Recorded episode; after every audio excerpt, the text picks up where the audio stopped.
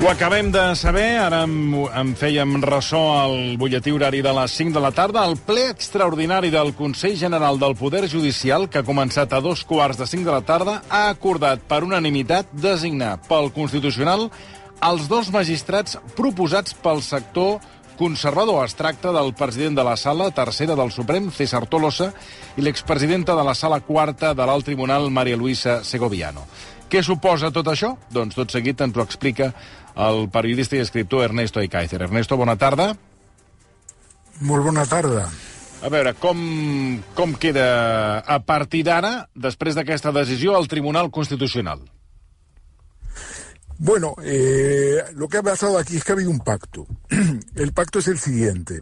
María Luisa Segoviano, que fue presidenta hasta octubre pasado de la sala cuarta, la sala de lo social, es laboralista, eh, estaba en la primera lista del sector progresista. El sector progresista propuso cinco magistrados, entre ellos estaba María Luisa Segoviano, que hay que decir que, entre otras cosas, gracias al apoyo del sector progresista en el Consejo General del Poder Judicial, fue nombrada hace eh, en su momento presidenta de la Sala de lo Social del Tribunal Supremo. Eh, los eh, conservadores, digamos, eh, tenían el objetivo de mm, no permitir a Vandrés, a José Manuel Vandrés, que era el candidato que eh, los siete progresistas del Consejo pues habían propuesto, que no le iban a aceptar. Y entonces el sector progresista dijo, bueno, María Luisa Segoviano, pues ha sido eh, miembro de la Asociación Jueces para la Democracia, es laboralista, cosa que el Tribunal Constitucional en este momento tiene una gran necesidad porque los laboralistas ya se fueron. Eh, tenemos al magistrado Fernando Valdés, que era laboralista y renunció, y tenemos a Alfredo Montoya, que también ha dimitido y que es laboralista, eh, y por tanto había, había necesidad de laboralistas dado los temas de reforma laboral, en fin, una serie de temas que son muy acuciantes en el Tribunal Constitucional. El otro elemento importante es que César Tolojas, el presidente de la Sala Tercera de lo Contencioso Administrativo, es un hombre mm, conservador de la derecha, pero civilizado, quiero decir, no es el pepero típico. Eh, de los cuales eh, el Tribunal Constitucional se va a desembarazar en las próximas horas. Entonces el sector progresista se reunió hoy a las tres y media, eh, antes de la reunión, que empezó a las cuatro y media, y dio la luz verde al pacto, y es un pacto que en principio era secreto, se tejió hace ya una semana, y llegaron a este acuerdo. ¿Por qué llegaron a este acuerdo en estas condiciones? Porque el señor Trevijano, González Trevijano, se iba a negar a darle eh, el placet a los dos candidatos del gobierno. Entonces el planteamiento que se hizo el sector eh, progresista es vamos a continuar con el bloqueo del sector constitucional porque no quieren aceptar a Vandrés. Pues no. María Luisa Segoviano es una candidata próxima al sector progresista, fue jueza del, de Jueces para la Democracia, que es una asociación de mm, progresista, y llegaron a la conclusión de que eh, era, digamos, eh, un pacto asimilable. El problema es que es muy, muy probable, por lo que me dicen, que el propio Macías, eh, José María Macías, que es el líder del sector conservador, este hombre que es un socio del bufete Cuatro Casas, ¿no? Que cuando yo digo socio del bufete Cuatro Casas, la gente dice, pero eh, Kaiser no se está refiriendo a que sería ex socio, no, no, no, no, es socio del bufete Cuadrecasas, uno de los principales bufetes de abogados de este país y estaba en el eh, Consejo General del Poder Judicial. Ellos probablemente pensaron que el sector progresista no se iba a bajar de la burra y que iba a mantener a Vandrés. Eh, pero lo que ha salido ha salido por unanimidad y yo creo que esto resuelve la crisis. Le doy una información de última hora que se la puedo adelantar. El presidente del Tribunal Constitucional, eh, mm, señor González Trevijano, ha dicho que con el nombramiento de hoy, eh, esto lo ha dicho en privado, con el nombramiento de hoy se termina y que él, incluso este propio jueves, podría convocar el Pleno para dar el placet a los cuatro candidatos, los dos que nombró el gobierno, que son Juan Carlos Campo y Laura Díez, y César Tolosa ahora y eh, María Luisa Segoviano. Esto es una primicia. Com queden, doncs, eh, Ernesto, les, eh, les balances al Tribunal Constitucional amb aquests canvis? Com queden? El sector progresista con, estas, eh, con estos nombramientos efectivamente quedaría en siete candidatos y el sector conservador quedaría en cuatro, eh, siete a cuatro, siete a cuatro y yo le puedo decir que yo creo que en estas condiciones eh, el sector progresista va a conseguir que el magistrado Cándido Conde Pumpido sea presidente del tribunal, porque usted sabe que una vez que se renueva, una vez que se hacen los decretos de cese de los antiguos, es decir, de eh, González Trevijano y de Antonio Narváez, y de Santiago Martínez Vares y Juan Antonio Sciol, eh, se hacen esos eh, se hacen esos decretos de cese eh, al mismo tiempo se hacen los decretos de entrada de nombramiento de los cuatro magistrados de los dos del gobierno por supuesto en este caso Juan Carlos Campo y Laura Díez y por lo tanto esto va muy rápido y tenemos digamos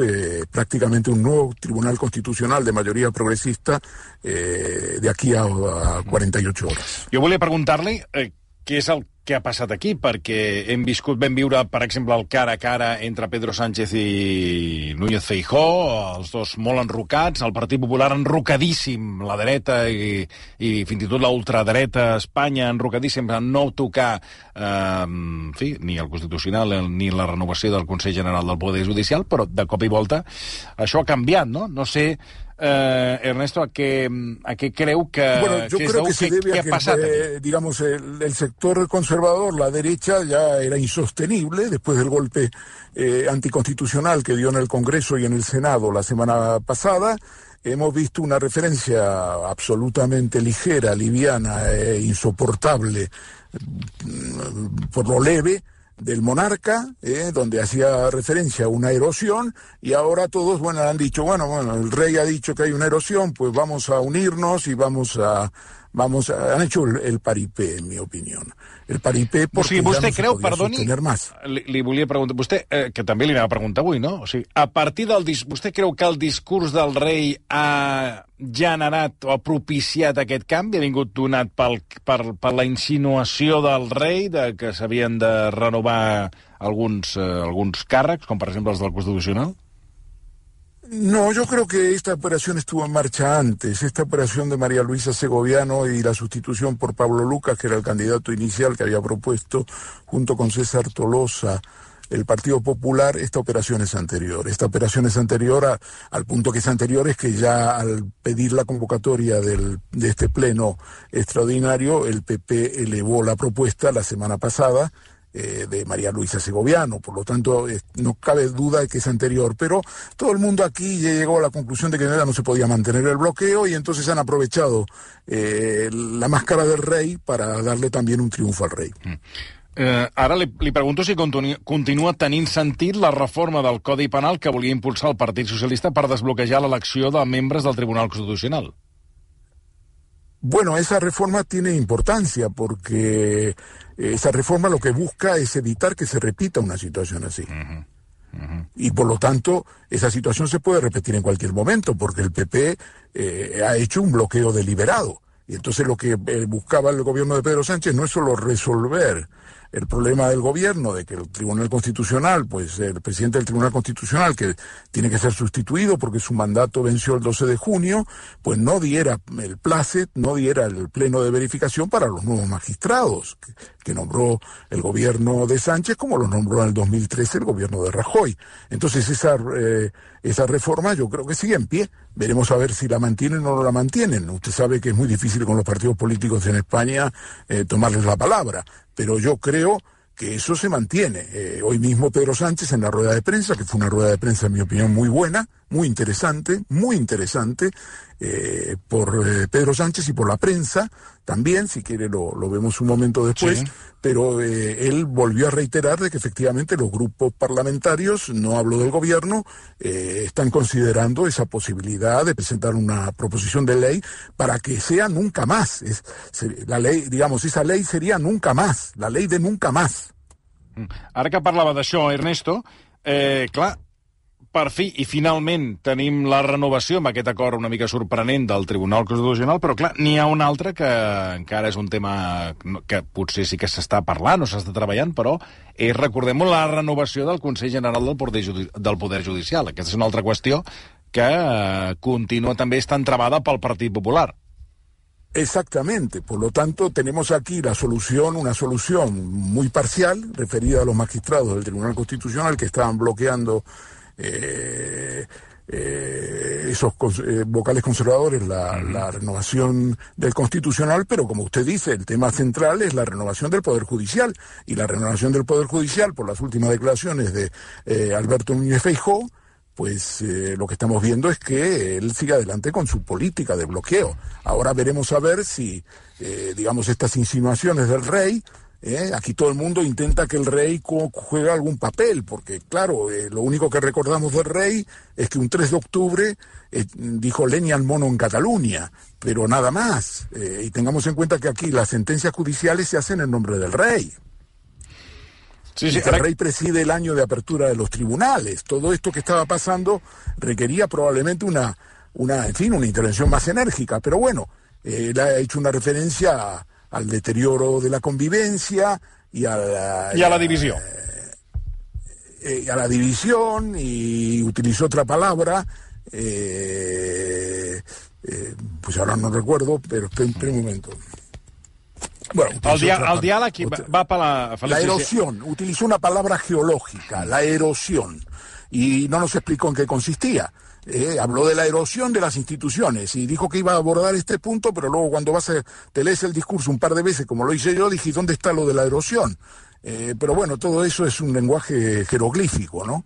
-hmm. No, no, eh, agafant, agafant aquestes paraules del discurs que, de Felip VI, que eh, vostè diu que potser aquí els magistrats han volgut eh, doncs allò, doncs, eh, quedar com bé després del discurs de Felip VI, eh, ell es va mostrar preocupat, com deia, pel deteriorament de la convivència i la divisió entre institucions, i eh, a partir d'aquí va apel·lar al diàleg i l'entesa i va assegurar que no podem donar per fet eh, tot el que hem eh, construït. Um, per tant, clar, és aquest dubte de si aquest gest d'avui del Tribunal Constitucional ve a tom del que va dir el rei o això, com deia vostè, estava més o menys apelat. Bé, dit... A, no, dit... eso es un paripé, es un paripé, ¿me entiende, Tony? Mm. Eh, vienen a decir, hombre, hasta el rey lo dice, hasta el rei lo dice. Bueno, ya podía haberlo dicho antes, sí. si es por eso. Ja té raó. Escolti, parlant de Pedro Sánchez, que avui, com vostè deia, ha fet una compareixença llarguíssima aquest matí a la Moncloa per fer balanç polític de l'any, li han preguntat al president espanyol què espera del Partit Popular. I la resposta, uh, un Pedro Sánchez que va, que va suelto, ha dit això. A mí me da la sensación, os lo dije en el Senado eh, hace pocas semanas, que en estos nueve meses que lleva eh, el actual líder del Partido Popular al frente de la política nacional, su única aportación ha sido eh, amordazar al Parlamento. Y si echamos la vista atrás y de alguna manera sintetizamos cuáles eran los ejes de la oposición del señor Casado a, este gobierno, en primer lugar fue el incumplimiento de la Constitución de manera flagrante, nada ha cambiado con el señor Feijó. En segundo lugar, negar el pan y la sal, es decir, bloquear todo, oponerse a todo, votar que no a todo. Creo que tampoco en eso nada ha cambiado. Y en tercer lugar, el insulto y la descalificación. ¿Cómo interpreta estas palabras? Bueno, yo creo, yo lo vi, hoy vi un Pedro Sánchez muy tranquilo. Eh, ya sé que esta no es una definición, porque uno puede estar tranquilo y, y puede estar mal. Yo le vi bien, le vi muy apoyado en Europa, muy apoyado en su política económica, muy apoyado en el hecho de que el caos económico que vaticinaba el señor eh, Núñez Feijó, cuando incluso llegó a hablar de la prima de riesgo, ¿se acuerdan? Nada más llegar y se confundió. Eh, toda esa apuesta de Núñez Feijó por la, por la por la crisis y el caos en España, eh, muy apoyado por haber mostrado que eso no es así, por ver que las tasas de inflación en España, siendo tasas que han crecido, son las menores de Europa, eh, muy apoyado y muy seguro de sí mismo, pero sobre todo le vi muy claramente eh, orientado a cumplir, digamos, su programa en lo que resta del año. No tengo ninguna duda de que no va a haber ningún adelantamiento de las elecciones, Tony, que se va a hacer la presidencia eh, española de Europa y que las elecciones se van a celebrar hacia finales de año, enero o febrero, incluso están considerando la posibilidad de febrero, porque han hecho un estudio, han mandado a, elaborar un estudio, creo que se podría celebrar en la primera semana de febrero del 2024, y entonces eh, un, eh, un, Sánchez determinado. Y en relación a los temas centrales, me ha parecido desde el punto de vista del periodismo eh, una performance, por llamarlo de alguna manera, bastante moderada para lo que es la prensa española. La prensa española, si usted lee la prensa española y usted ve la rueda de prensa de hoy, que yo la he visto completa, dice, oye, ¿en qué país vivimos? ¿Estos son los periodistas que trabajan para estos periódicos? Si es que lo que estos periódicos hacen y dicen no tiene nada que ver.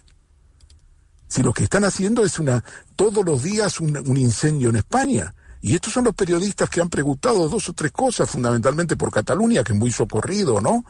Pero fíjese, la periodista da la razón, le pregunta por el tema del referéndum de Cataluña y le pregunta si no se siente mal por el hecho de que el gobierno catalán, Esquerra Republicana de Cataluña, eh, mantiene su línea de un eh, de una independencia unilateral, de una DUI. ¿Y eso de dónde lo ha sacado? ¿Dónde es que Esquerra Republicana de Cataluña plantea una independencia unilateral? Una declaración unilateral de independencia o un referéndum unilateral de independencia. Es que ellos mismos se creen si se inventan sus películas y terminan creyéndoselas. Que yo sepa, es que era republicana de Cataluña ha aprobado en su Congreso eh, un referéndum de autodeterminación, en el contexto de una propuesta de un acuerdo de claridad. Eso no compromete, digamos, eso no es una declaración unilateral de independencia. Eso es una propuesta que quieren discutirla, dice, en el contexto de la mesa de diálogo. El presidente ha dicho que nunca va a haber, eh, digamos, que no tiene cabida un referéndum de autodeterminación nacional, que ya lo han discutido muchas veces en la mesa de diálogo y que se les ha dicho de parte del gobierno que ellos no lo veían de ninguna manera y que no tenía cabida en la Constitución y que por lo tanto eso no le comprometía a él, que a él le parecía, en todo caso, que eso iba contra los tiempos que efectivamente lo que es la tendencia hoy en Europa es a compartir, no a dividir, no a, digamos, a, a, digamos, aumentar las diferencias. Eso es lo que contestó. Yo, francamente, le vi al presidente bien, le vi eh, suelto y vi a la prensa, esa prensa que eh, plantea un incendio probablemente no cada día, sino dos incendios por día, oye, la vi mansita ahí en la Moncloa. Se habían tomado una I com és tira, això? ¿eh? I com és això? O potser perquè Bueno, diré... yo creo que hay un divorcio, creo que hay un divorcio entre los periodistas y los editores de esos periódicos. Aquí lo que hay es unos editores que constituyan un sindicato, un sindicato eh, mediático judicial que yo le llamo, que lo que estaban haciendo es eh, marcar a los magistrados de la derecha, presionarles, incluso extorsionarles. Esos magistrados de la derecha, como es el caso de Pedro González eh, Trevijano, pues cedían a las presiones de la derecha por sus propios intereses, probablemente futuros, en un gobierno del PP o lo que fuere, y empezaron a cuadrarse. Y lo último que hemos tenido es el golpe ese mediático judicial, eh, aprobado en el Constitucional, donde el presidente del Tribunal Constitucional incluso se niega a apartarse eh, cuando se discute su recusación por tener un interés directo en que, en que el Tribunal Constitucional siga bloqueado, porque de esa manera sigue siendo presidente, porque su mandato venció el 12 de junio pasado, y entonces este presidente habla en la inadmisión de su propia recusación eh, y eh, hacen un, digamos, impiden que el Senado, que es una cosa que no tiene precedentes, impide que el Senado vote las disposiciones finales ya aprobadas en el Congreso precisamente para solucionar el problema del bloqueo, del bloqueo en el Consejo General del Poder Judicial y, de- y en el Tribunal Constitucional. Entonces, bueno, eh, yo creo que es- es- esos medios, los periodistas se van adaptando, pero luego cuando no tienen nada que, fin, eh, por lo único que han preguntado hoy ha sido por lo de Cataluña. Oiga, ¿usted cree que el problema de Cataluña es como en el año 17? ¿Acaso estamos ante la celebración de un referéndum? Todos preguntando por Cataluña. Pero si el presidente que, que tiene que preguntar al presidente de la Generalitat, no a Sánchez. Que, per cert, el govern català ja dona per fet que abans de...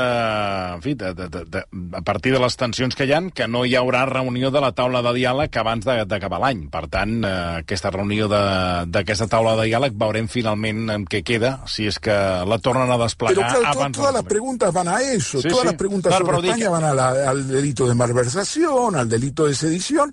Es de Cataluña es el És el centro tema. de España, és el Tony. Sí, sí, pues mira. Es el centro de España, es y lo será, aunque no sea el centro político en el sentido de que los problemas están, son muy diferentes a los de 2017, no estamos en esa situación.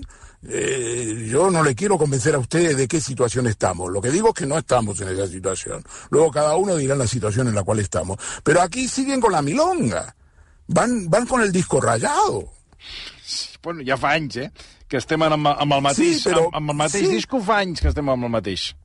Sí, pero con el disco rayado, pero bueno, eh, no sé, en el año 18 estaba todavía fresco lo del 17, pero hombre, estamos en el 2000, eh, vamos a entrar en el 2023.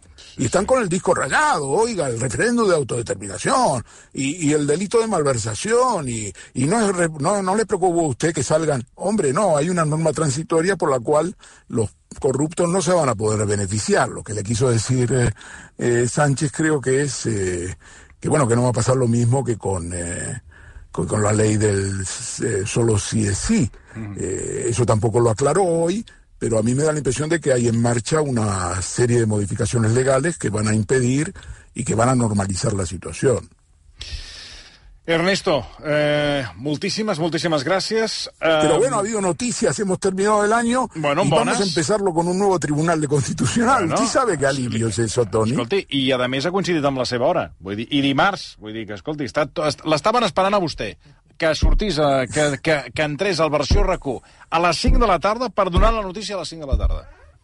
Fixi's el que... Molt bé, Ha estat, molt ha bé. estat el regal per Estamos, entrar a l'any. estábamos bien, estábamos en buena línea, bien Exacte, ubicados. com sempre, com sempre. Ernesto, molt bona entrada d'any. Una abraçada molt forta. Gracias. Gràcies, Adeu. Ernesto. Adéu, adéu-siau.